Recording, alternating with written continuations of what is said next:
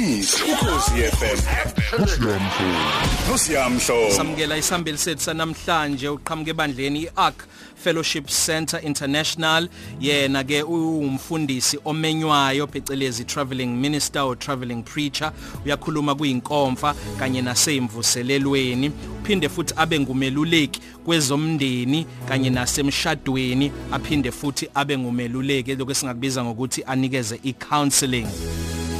Apostle umfundisi wezwi umuzi weyigwili nxumalo zwide mkhatshwa sothondose siyathokoza ukuba nawe ndwandwe namhlanje.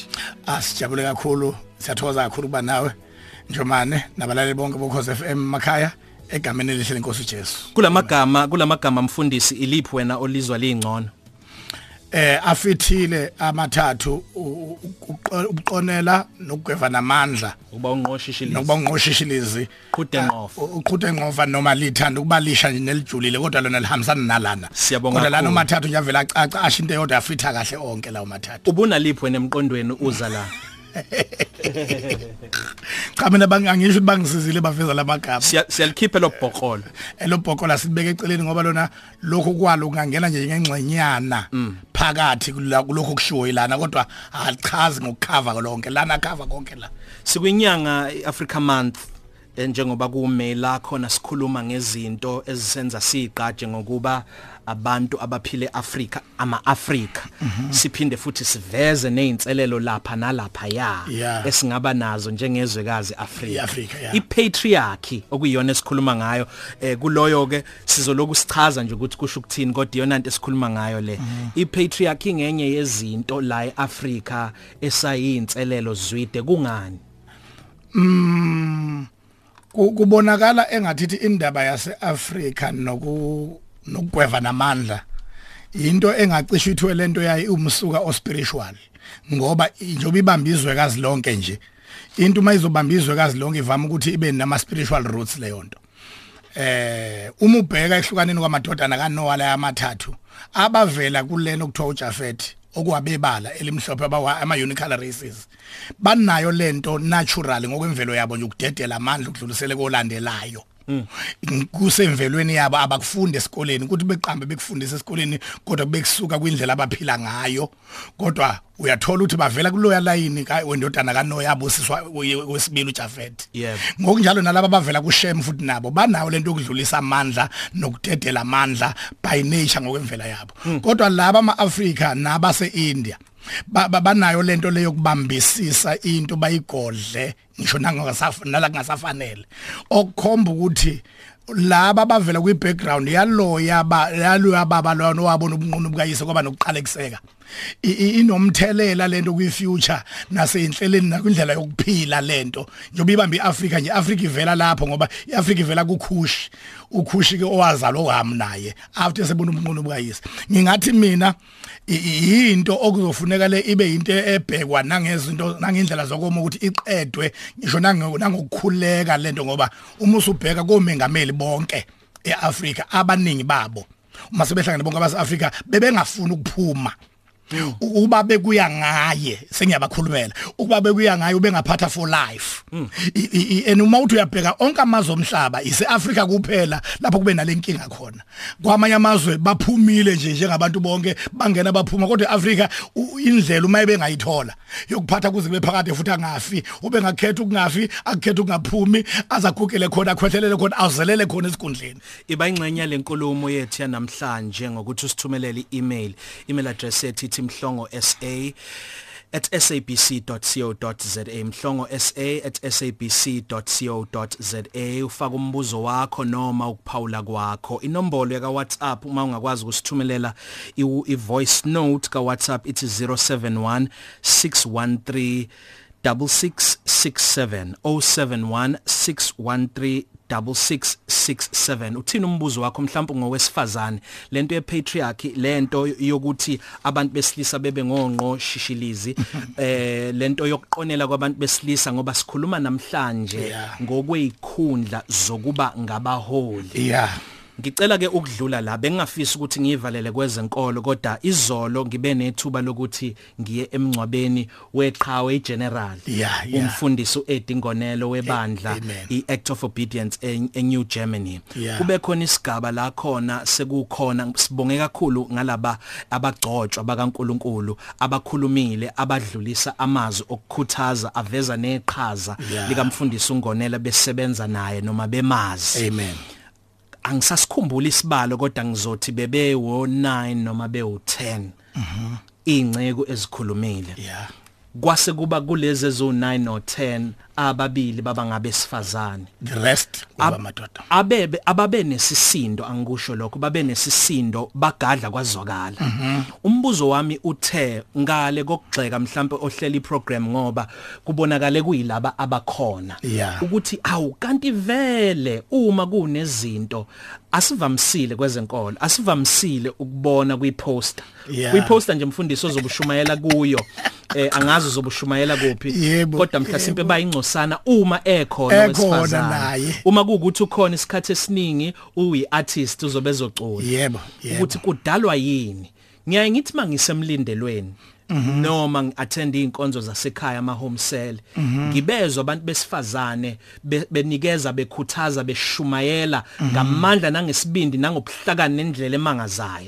Kodwa bese ngiyabheka ukuthi iplatform engenkulu ngoba isemlindelweni. Le- leya ngolwesihlanu. leya ngolwesihlanu yebo noma umgqibelo ebusuku noma yaphakathi nezinsuku kungani singabezwa singababoni kakhulu bese pulpit besinikeza besiphakela? Ingoba mhlawumbe uNkulunkulu abani akabanikezanga bona iphiwo noma asikuvumeli anikuvumeli? Yeah thina befundisi njengabaholi njengezinceko ukuthi leso siphiwo sibonakale sisetshenzwe sinikezwe iplatform. Em indaba yokudedela amandla njengoba ikwazi ukuthi ibe yinkinga amandla kufanele adedelwe wesilisa ewadedelela omunye wesilisa. Ifanele kibe yinkinga kakhulu ke wenjomane ifanele ibe yinkinga ngokudluleleke uma sezowadedelela owesifazane kanti ubevele ehluleka. Ukudedelela indoda enye. Eh ngama amazwi into esazoba elwiwayo leyo especially considering ibackground yethu thina umuntu onsundu lapho okwatshaleka khona umqondo ukuthi umuntu wesifazane kunjengokungathi uyathengwa manje. Yabona ibackground yasemakhaya kudala imfundo ingakangeni nevangeli ingakangeni ngokugcwele owa ingane yayikhuliwezwa njalo amagama aphindwayo ethi thula mfazi khuluma amadoda thula mfazi yabona indaba kathula mfazi eh ngeke abantu abakhulele atmosphere nezingane ezikhule under those voices wezwa. Uma sezindala zikwazi nazo kuba nesibindi ebuholini baso eh nabo abafana asebehobaba manje abakhula bezwa leyo nto abazodedela besifazane. Ngoba lokho ababekuzwa bekhula kwaba programmer kwaba shaper ukuthi nje into ecacile iyolethwa indoda into ecacile iyoqhamuka ngasebulilini obuthile. Kwenza lokho ukuthi ngisho kabe kuthiwa ke usenikeziwe amandla ekema- usemagunyeni manje osifazane usephethe. Uthola ukuthi uphatha bakwamukela ukuthi uphethe. Eh kodwa uthola ukuthi recognition ayikho kangako aka recognizewa unjenge unjengejazi oligqokela ukuthi wemukeleke phambi kwabantu uyawuthi uma uligqoka ulibekela emahlombe imkhono ungayifakanga. Hey.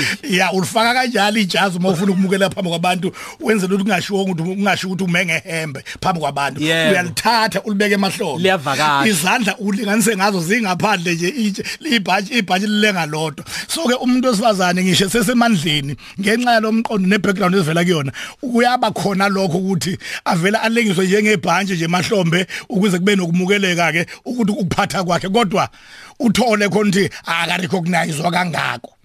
Sizongena sijule kuyona besandlalela namhlanje. Kuphe singakwenza ukuthi sigweme lento yokuqonela noma yokugweva namandla yepatriarchy njengabantu besilisa. Omunye uthi umelalele siya nomfundisi unxumalo ukuthi nibe ngamadoda nobabili nabase studio nakhuluma ngalesihloko. Khona lokho kukodwa. khona lokho kukodwa kukhombisa le patriarchy enikhuluma uqinisile. nasi sizathu eh. Bengifisa sikhulume sisodwa siveze samukele ukuthi sinenkinga. Yebo. singamadoda ngoba Yebo. izobe isinkulumo ejule kakhulu okuyomela siyenze uma sizokwenza ubulungiso yebo. U- la khona ke aba- abantu besifazane sebehamba phambili. Ngithi- bengifuna sithi nje okokuqala singamadoda singabantu besilisa asivume. Asi-acknowledge. siyakwenza noma sikwenzi yebo siyakwenza.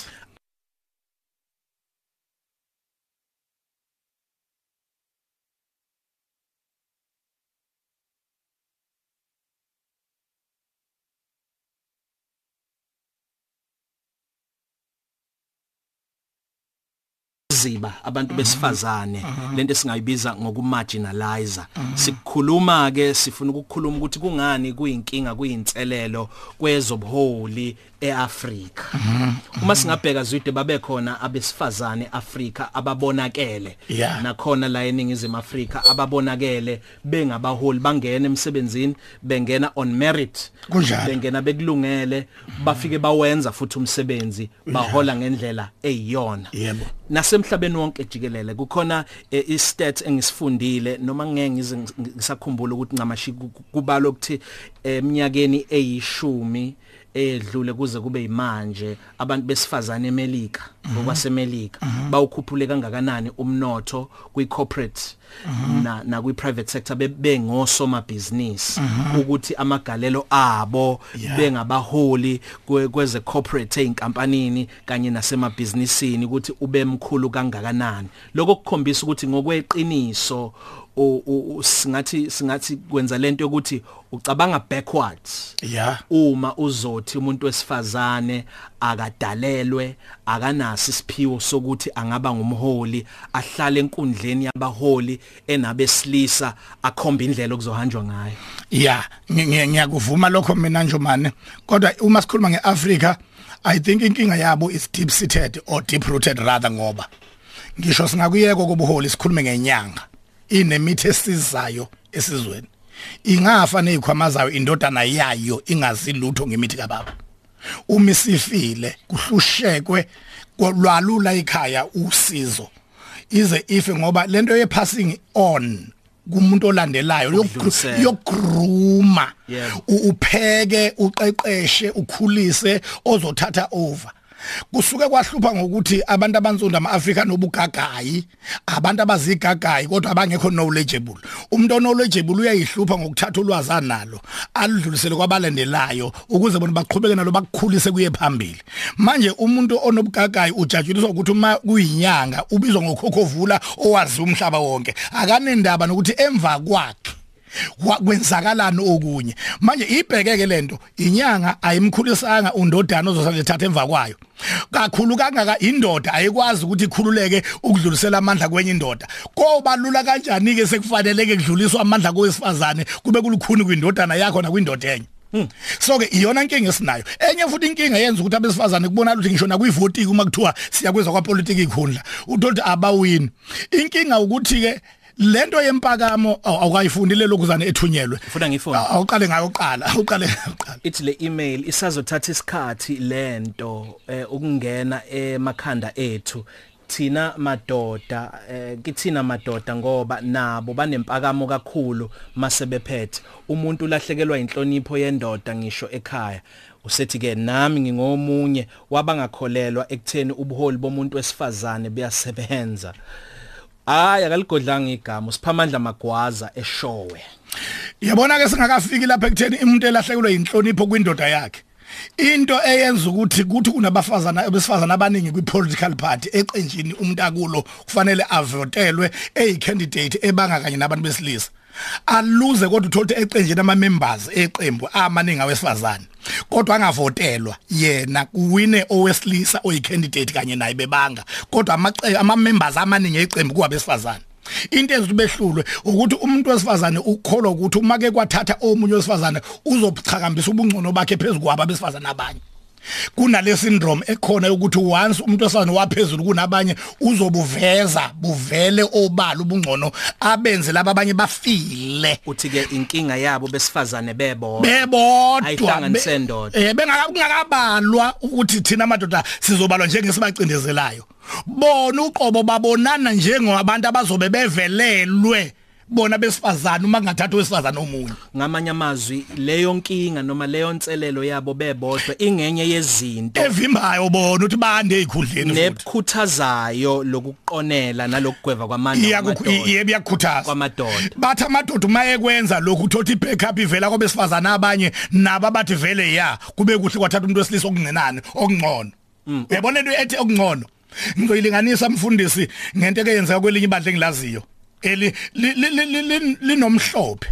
Ziya okhethweni omhlophe imember ama members avotela omhlophe ambalwa kakhulu la. Okhethweni lweregion mancane avotela lomhlophe ukuthi ivoti labamhlophe listandard alile nale.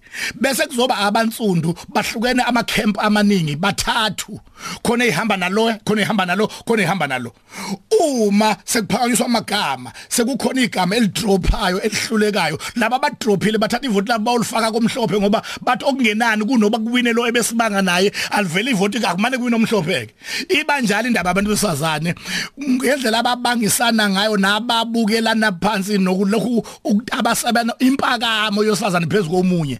Ihayi kangangoba umuntu wesazana akakholwa kangaka ukuphatha komunye wesifazana akamvotela khululeke ngoba wazi usobe sivelelo yena okusho ukuthi ke umuntu wesilisa bese yayithatha imsebenzeleke imsebenzele njengalomlungu engikhuluma ngaye mina ukuthi waye nama members amancane kodwa kwagcina sekuqhamuka amavoti kwabansundu ezo supporta yena ngoba sebethela ababahluliwe singamane siphathwe ubani? Kuba nuba siphathwe yilo? Kuba njalo nako besifazaneke na ivoice note eqhamuka kumama Ruth Cause sawubona. Eh uyazi siya uyazi ngicabanga ebusuku ngagcina sengizela. Kwangendlela esiduduzana ngayo mangabe umuntu eshonelwe umyeni. Hawu kodwa nkosi yami le ingane uzoyithini nje usuyikhulisa wedwa. Hmm, yayizwa le. Already lo muntu uthi uyamduduza kodwa futhi ufaka ispirit sefear uyamintimidate umuntu bese ehamba egrabha nje nombani ngoba ethi ufuna umuntu ozomkhulisisa izingane i love the spirit sika King Lemuel's mom mm-hmm. who just claims i i position yakhe as a mother. Angizwa ngobaba ka King Lemuel angikaze ngimstadishe uLemuel. Kodwa ngizwa nje uma emthatha from the womb ukuthi you are the fruit of my womb. So ngalokho ngine authority ukukutshela ukuthi ukuwomanizer nokudakwa mhm. akusikho kwabantu who will have dominion. Yeah yeah. Of course. Kodwa manje thina siyakukhohlwa konke lokho ukuthi uNkulunkulu has given us. Uzothi kumuntu uzokwenza njani ngalabantwana? And God allowed le le le death yalendoda ebona isidingo mhlambe iphumuze einhlungwini o mhlambe protector yena lo mama akayazi akayazi lo mama influence le ndoda ebiyoba nayo. Ethembe yena lo mama thina sisiyamephuca i the the things that God has given unto this widow. uNkulunkulu bemthemba lo wesifazana ukuthi unawo amandla yize indoda ingasekho. Kodwa uyakuza ukukhuthaza kwabanye besifazane kuyanyathela kuyanyathela kuyehlisa. Kuthi uyayidinga indoda. Kuthi uyamdinga umuntu ozoba ngaphezulu kwakho awukwazi ukusebenzisa igunya lakho lokuba ngumholi. Ngizwa kahle. Omunye osilalele uyitshela ukuthi uma sisenza lenkulumo sithi sihlanekezela iorder kaNkuluNkulu yokuthi uJesu uyinhloko kube indoda ibe inhloko yekhaya siyakwenza ngokweqiniso yini lokhu masiba nalenkulumo cha asikafiki lapho sizolandela khona ileadership ileadership order kaNkuluNkulu kwamanje. Sakhuluma endabeni yokushiyelana kwamandla ukuthi yini yenza kube nzima kwizwekazi lakithi eAfrika. Kodwa isathinta nje lapho umam Ruth Khoza konke ngithanda lapha ku same point. Yebo. Ngikunotisile lokho emabandleni as a traveler ukuthi uma kungubaba oshonelwe umkakhe kungubaba oshonelwe umkakhe akazi ukuyishoda ngesupport ezinganeni zakhe. Ingane zakhe zokhishwa njalo ziye ema restaurant ziyothengelwa ice cream.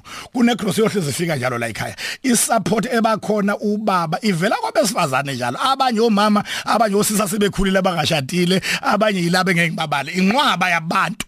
Abalethe support uma kubaba ohanjelwe umama angiphathi khona uma kumfundisi. Umfundisi ushonela uma kwakhe inqwaba yesupport ezoba khona. Kodwa uma kuumama ushonela ubaba kade lo mama ehola ibandla kanye emeni besizana nalo baba oshonile umfundisi. Kodwa uma kuubaba oshonile umama wasala uzoshoda ngesupport bekhona labo mama laba ebebezoyiletha le support uma bekuwumama oshonile. Umbuzo sekutheni ikhona yini kithina esikholwayo noma emabandleni? Lento lena ye advantage taking noma yokubona ukuthi umakhamba umama kune vacancy ekhona angihambe nami ngiyoba usomathuba ngivula amathuba okuyimarket nami mhlawumbe lesisikhala esivulela ipost ngatholwa yimina. Ikhona le nto? Siyenza ngokukholwa lento yokusupporta uma ubaba eshonelwe unkosikazi noma siyenza ngomoya wokuvula amathuba ethu ukuthi mhlawumbe uyo inhliziyo yothamba kungene mina?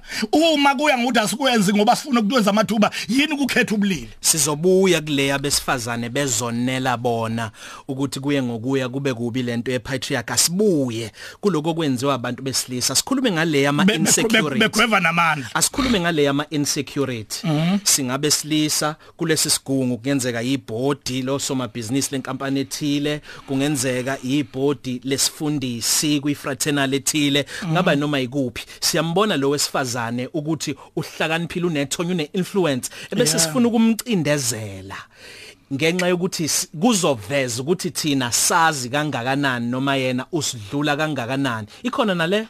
Ikhona. Ikhona ikhona kwabakholwa emabandleni leyo kucinezela kumuntu osazana ngeke ngayibona nasepolitikini.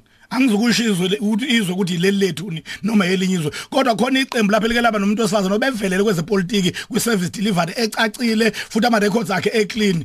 La mcindezelo wazi waphuma oqala iqembu lakhe kodwa kubonakala ukuthi uma wayenikezwe ithuba lokukhuphuka wayoliphakamisa lelo qembu. Angizolisho lelo zwe ukuthi ileli lethu noma elinye kodwa ngikubonile ukuthi uyakwazi umuntu uma usuthi uyababheka laba bebecindezela lo sifazane babe ngekho babe ngasondeli nakusondela ngokuphatha isisindo seqembu ngaphandle komholi wabo walelo qembu kuphela. Abanye babecinzela lo mama babengayinakuya kuye.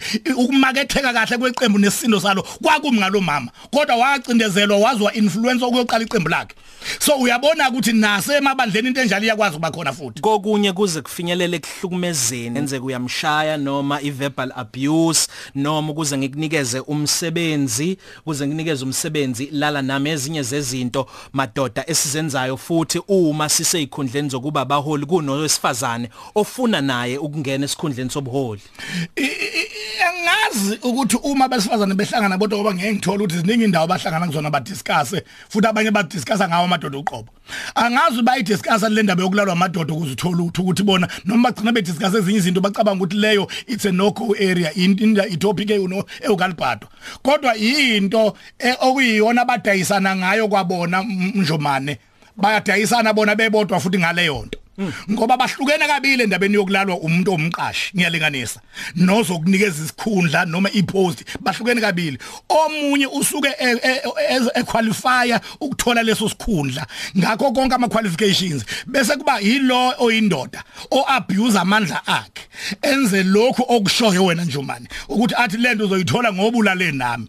Yena ke ene pressure ukuthi kumele umndeni uphile kumele naye kube nekusasa nokunye akuvumeke lokho. Ngiyababona labo ke yilabo esingathi thina bacindezelwe ngempela njengoba usho rightly so. Bese kuba khona abanye abaziyo ukuthi akubona bodwa aba applyele le post. Khona nabesifazana abanye ongathothi baqualify kangcono kunabo. Beze bona besifazane labo lolo hlobo lwesibili luze vele lunalo mqondo. Wokuzohunga nokuyenga lo omqashi ukuthi angamenzela noma yini. Omunye azasho uthi uma ungakuthola lo msebenzi ngakwenzela noma yini. Everything awupress everything. Ubona uunderlinewe kunomuqa ngaphansi kwawo uma ethi everything akubona everything ojwayelekile everything odwetshelwe. Ibone ke nalendoda eyumqashi ukuthi okay ukhona oqualify kodwa lona ngizokuthola engikufunayo kulona ngoba nangu sephumela obala masinyane. Uthola ukuthi yena ubesebenzisa amandla akhe ngendlela errong ukuzama ukuphusha abanye abesifazane kuyo yona leyo post. Uzama ukubadudula ngamazi foul play udlala irafu ukuza wine ngendlela engekho emthethweni kuphume yena phambili kuchaye abanye abantu besifazane. Khona usinikeze ivoice note ake simuzwe. Okay. Ngibingelela egameni elihlelo mfowethu uJesu Amen. Impela kuyiqiniso ukuthi omama abakabikho phambili. Mm. Kuna kuna kuna kunabomama esikhuleka nabo ababizwa isicimamlilo. Kunabomama esikhuleka nabo ababizwa ikhonzi zikaKristu kunabomama esikhuleka nabo ababiza ifellowship Christian Ministry. Abangolesine baze bayiqoqa abomama ngolesine ngoba bezwa ukuthi khona lento kubo. We've got powerful powerful leaders kubo mama siyambonga uNkulunkulu ukuthi namhlanje yakhulumeka lento abomama besicima mlilo siyabe nginabo izolo. Yebo ma. eFosloras into ebeyilaphana izwi beliphakame ngendlela emangalisayo. Ngendlela belingaphakama ngayo noma yazi bahlelwa abomama ngezigaba zama theme bathi bekhuluma nawe ongakabi kulo ndawo. Wafisa ukumcela uNkulunkulu ukuthi baba uma labo mama bekhuluma kanje kungani mina ngingakwazi kungani mina nginamahloni? Ngifuna ukusho ukuthi ngiyabonga ngiyabonga kakhulu namhlanje uma le ndaba iphumela ngaphandle ukuthi bakhona bonomama. Khona mamtshangasi kucima mlilo owayiqoqa intombi sasezayoni babonakala abomama bephuma bese yiyoni bema bethi uJesu inkosi uJesu uyasindisa. Kodwa uma sifike emabandleni kuthiwa thoba mama. Ngiyabonga. Hey. Siyabonga kakhulu kumama usinikeze loyo myalezo. Na ungaqhubeka. Sithatha incingo. 089 3109193 089 kuthina kwakho kuPaul. Nangomunye obhalile. Uthi this is inheritatory bafowethu uqinisile lo and is social injustice treated as justice. Zijulile izimpande. Zalendaba zikuma jeans kwabesilisa bawu 93% angazi uthatha ku 93 especially eAfrica uqinisile uma zijulile ngoba njengoba siqale ngalapha ngokulinganisa omengameli baseAfrica akekho ophuma ethanda. Bonke ukuba kuya ngabo bengaphatha for life. And forever. So ke uma ithi ijulile lento inherited uqinisile. Uma ithi futhi 93% noma engamazi uthathaphi kodwa nami ngimbona i around le percentage lento ayishoyo. Asikhulume ngaleyo ukuthi owesifazane usekhona ke esikhundleni sokuba umholi kodwa uyazitshwa. Umethi uzama ukukhuluma into yakhe ayithathwa notice. Umethi ngempela uqhamuka nento ezoba umhlahlandlela nezoba isisombululo.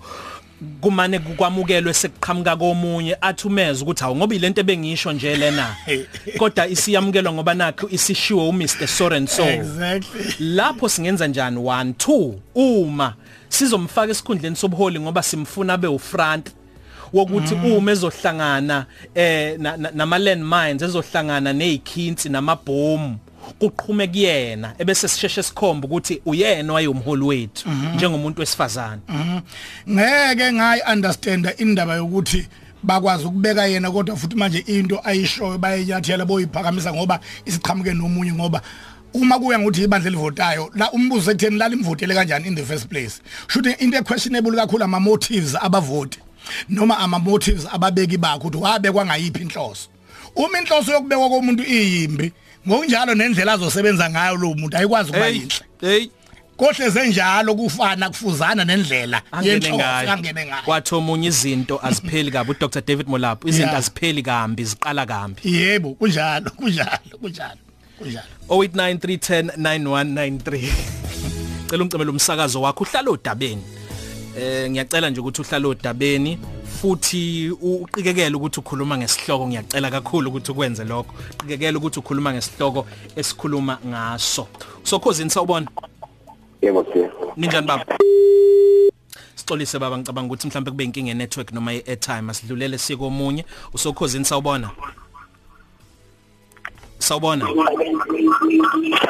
Yebo sawubona. Ninjani? Ngiyaphila njani? Siyaphila. Sikhuluma nobani? Ngithemba waqumbi esikhotha stop Yebo Thembi. Ngifisa ukuthi ke mfana wami ngiyakubonga lesihloko esikhuluma ngayo kodwa ngila emabandleni. Amabanda kube kumfundisi noma abaphathi. Uphakathi nje sididikini kodwa na uthi uqhamuka novo uthola ukuthi lelo vo lakhe alizwakali nje qoba bafuna uzwala ngoba awukho ndawo. Mm.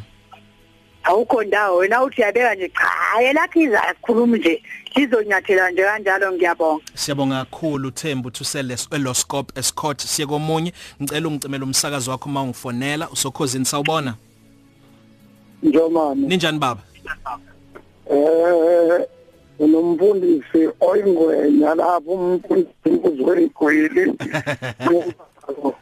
Yebo baba. Isakaramba lelo umfundisi uBM ulayini wakho umuhle baba nakuba awesiyonke elahle kodwa nyangalo yezwakala lapho kunamavesi amathathu eBhayibhelini elinye lithi uAdam uye uEva uyento wenza uAdam one bese kuba lamavesi amabili kaPaula athi angimvumeli ukuba wesifazane ezweni bese ngathi lawo mavesi mhlawumbe eBhayibhelini akhuthaza kakhulu ukuba vele umuntu wesifazane angabi lutho kodwa ngithi mina njengoba nenza nje bafundi bazalwane ikona lokhu okuzokwenza phela ukuba abesifazane bazeke.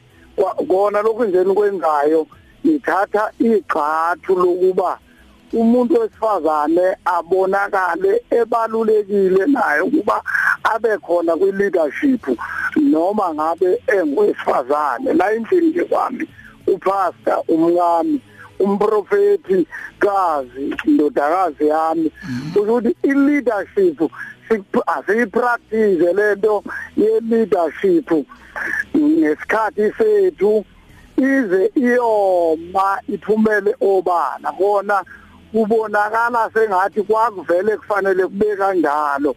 Kodwa uma ufunda izwi lenkosi Genesis chapter 1 verse 26 mayithi uNkulunkulu masenze abantu ngomfanekiso wethu. Kusho ukuthi phakathi endodeni kwakukhona umuntu wesifazane nakuba uNkulunkulu acebule wesifazane endodeni lento yenza ukuba kube sengathi ke manje owesifazane fune ukuthi abe abe semuva. Hayi sekuzwakele baba. Sibonge kakhulu ngokuphawula kwakho. God bless you guys. Qhubekani niphushe siyabonga siyabonga Jeremiah. Siyabonga kakhulu. Sinenye voice note sinayo zwit thini? Eh babu mhlongo umfana futhi laba baka Blos ePitoli eh sibonge for itopic ebaleka kakhulu. Siyabonga. Nginombuzo laba ukuthi em yini eyenza ukuthi ipatriarchy le eh kube igama that we speak against ngoba manje into enginikeza inkinga as much as ngiunderstand ipatriarchy. Mhm. Eh ukuthi into embi ecengezela abantu besifazane. But now mina njengomuntu njengomntwana kaNkuluNkulu njengomKristu yebo. into enginikeza inkinga ile ukuthi uma ngifunda iBhayibheli lami likhuluma ngoAbraham likhuluma ngoJacob bese liyibiza lonto lithi those are the patriarchs. So now whenever someone ekhuluma against ipatriarchy and i find lelo gama eBhayibhelini lonto nginikeza inkinga ukuthi why kungazange kube khona igama elinye liseceleni elichaza ukusideline nokucindezelwa kwabantu besifazane. Kodwa moment uthi patriarch and you speak against leyo nto leyo kanti ngiyithola eBhayibhelini. As umKristu amaqhawe ibisinginikeza inkinga. Angibonge. Lithi amaqhawe lesizulu malikhuluma ama patriarchs kodwa uyishaya isikhonkosini. Singasho yini ukuthi kwalona iBhayibheli liyamcindezela ngamanye amazwi umuntu umuntu wesifazane. Kwalona li exercise yona le patriarchy noma linokuqonela noma yalahlwa abantu ababe tolika besusa kolunye ulimi beyisa kolunye ulimi. Angazi. Zwid leyo. Noma sigwinye lamathe zwid ungangiqadi noNkulunkulu asigwinye lamathe zwid okay. Safisa ukufunda amanye ama-email ngisafisa ukuthatha eh neyincingo zwid ungaphawula uthini kulo yamlalelo sithumelele leya voice note? Ngithi mina in the old testament time bekudingekile ukuthi ubuholi bonke eh obusenyiswa uNkulunkulu buthinta ubulili besilisa. Ngoba ngenkathi ngena isono sangena ngakwesifazane waba yi first hand kuye. Manje into lapho ibe yi first hand ngakhona iba ne impact enkulu kuna kulo oyithathe kamuva as a second hand.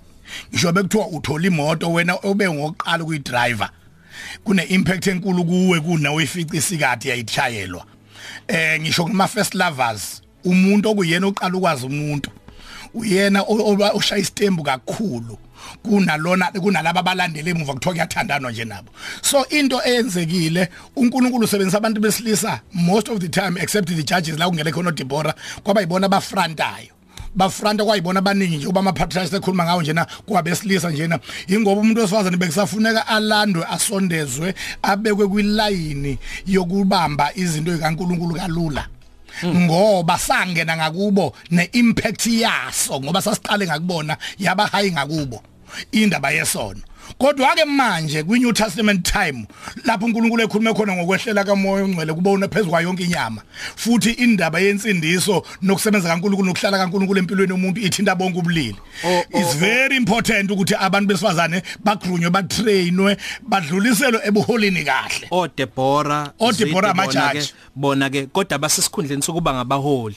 Okay ngiyakuzwa usiqonda ukuthi uNkulunkulu akakhelanga icovenant ngabo. Akakhelanga icovenant ngabo abesifazane futhi ulivulile igebe uNkulunkulu lokuthi bongena at a certain stage. Akuzoqale kungene bona kuzoqala iqala sebenza amadoda qala akufrante ngoba uyabona lento yokuthi into iqale ngokubani? Inomthelela engqondweni. Yalowo muntu eqale ngakuye qala that is the problem ebekhona. Namanje uma ngakhothela into abayaziyo bonke abesilisa besifazane lapha emakhaya bengabalaleli nansi. Umuntu wesifazane njengobulili bakhe akekho consequence oriented. Abantu besifazane noma bediscussa into abazoyenza bayidiscussa with passion kodwa imvama yabo ababheka ama results ukuthi uma kwenzeka kuba njena sokwenze njani. Ingakho kulula kakhulu ukuthi umuntu wesifazane angaphuma emshadweni eshade nomhlolo wezikole aphume ngoba kuthe kuphuma umhlolo wezikole drive imoto emsebenzini kwasalo wangena umuntu ozompenda indlu wabanjwa elele nomampendane. Ahlukane nomholo nomhlolo wezikole ngenxa yokulala nomampendane. Yonke leyo action itshengisa ukuthi aqale ecatshangwe eqala ukuthi ama results azoba yini. So ngithi mina njengoba manje ivangeli lifike lathi uma selifika lathi akukho mjuda namgriki lasithi akekho wesilisa nosifazane kulotshiwe kanjalo eBhayibhelini uPaul ubhale kanjalo. Bese kufanele ke manje amadoda asebuholini akholwayo afunde ukufundisa. Abesifazana abadlodluliselwe ebuholini. Ngoba inkinga yomuntu Afrika ayikho kangako kwabamhlophe lento bakhona abesifazana abamhlophe abafundiswa abamhlophe besilisa abangamadoda badlulele ebuholini. Kodwa lapha inkinga ukuthi iculture yethu asikho knowledgeable. Uma umuntu engekho knowledgeable akakwazi ukubakha abakhulisa abapheke bavutwe abantu abazolandela emva kwakhe ebuholini. Manje ugcina kumuntu ongene ongekho knowledgeable ekholwa amandla akhe esesihlalweni. Ingakho engeza ukusuka esihlalweni ngoba akanalo ulwazi mhlawumbe yena futhi akanalo adlulisile kwabalandelayo. Umuntu ofike wahola waba nobuholi obu-based obu-knowledge based akathemba amandla esihlalo uthemba lokhu yena kuphethe yingakho kubalula ukuimphatha kwabalandelayo. Uma sesukile uqhubeka wezwe amandla ngisho engasekho esihlalweni ngoba laba abalida wenkathi belida kuphakama yena. Akakwazi lokho umuntu onsundu waseAfrika ongakholelwa ulwazi okholelwa kakhulu isikhundla. Ingakho kufanele ahlale esikhundleni angasuki kubuze kube ngathi ngaphakathi ngoba yena alukho ulwazi adlulisele kwabalandelayo. Umbuzo wami mhlambe ongathi into esingakhuluma ngayo ngokuzayo ukuthi egameni lokuthi uma usumKristu uma umfundi weBhayibheli uphoqelekile ukwamukela konke okushiwa yizwi ngoba nize nithi malisho ngesilungu nithi li absolute absolute.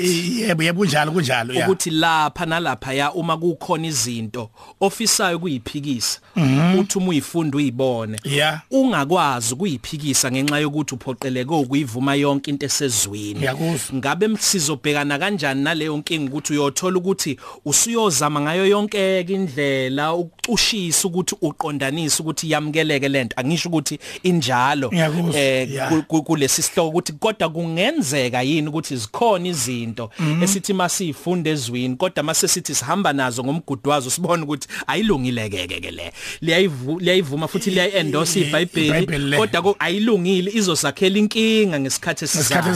Singenza kanjani ukuthi leyo nto siyi challenge kodwa futhi singabonakali njengabantu abangabaphikisi abaphambana nezwi yebo. uNkulunkulu into abemuhle ngayo ku-Old Testament kubonakala kufranta yena. Kodwa kuthe uma sekufika ikhathi ukuphelelwa kwekhathi wadedela indodana kwafranta yona.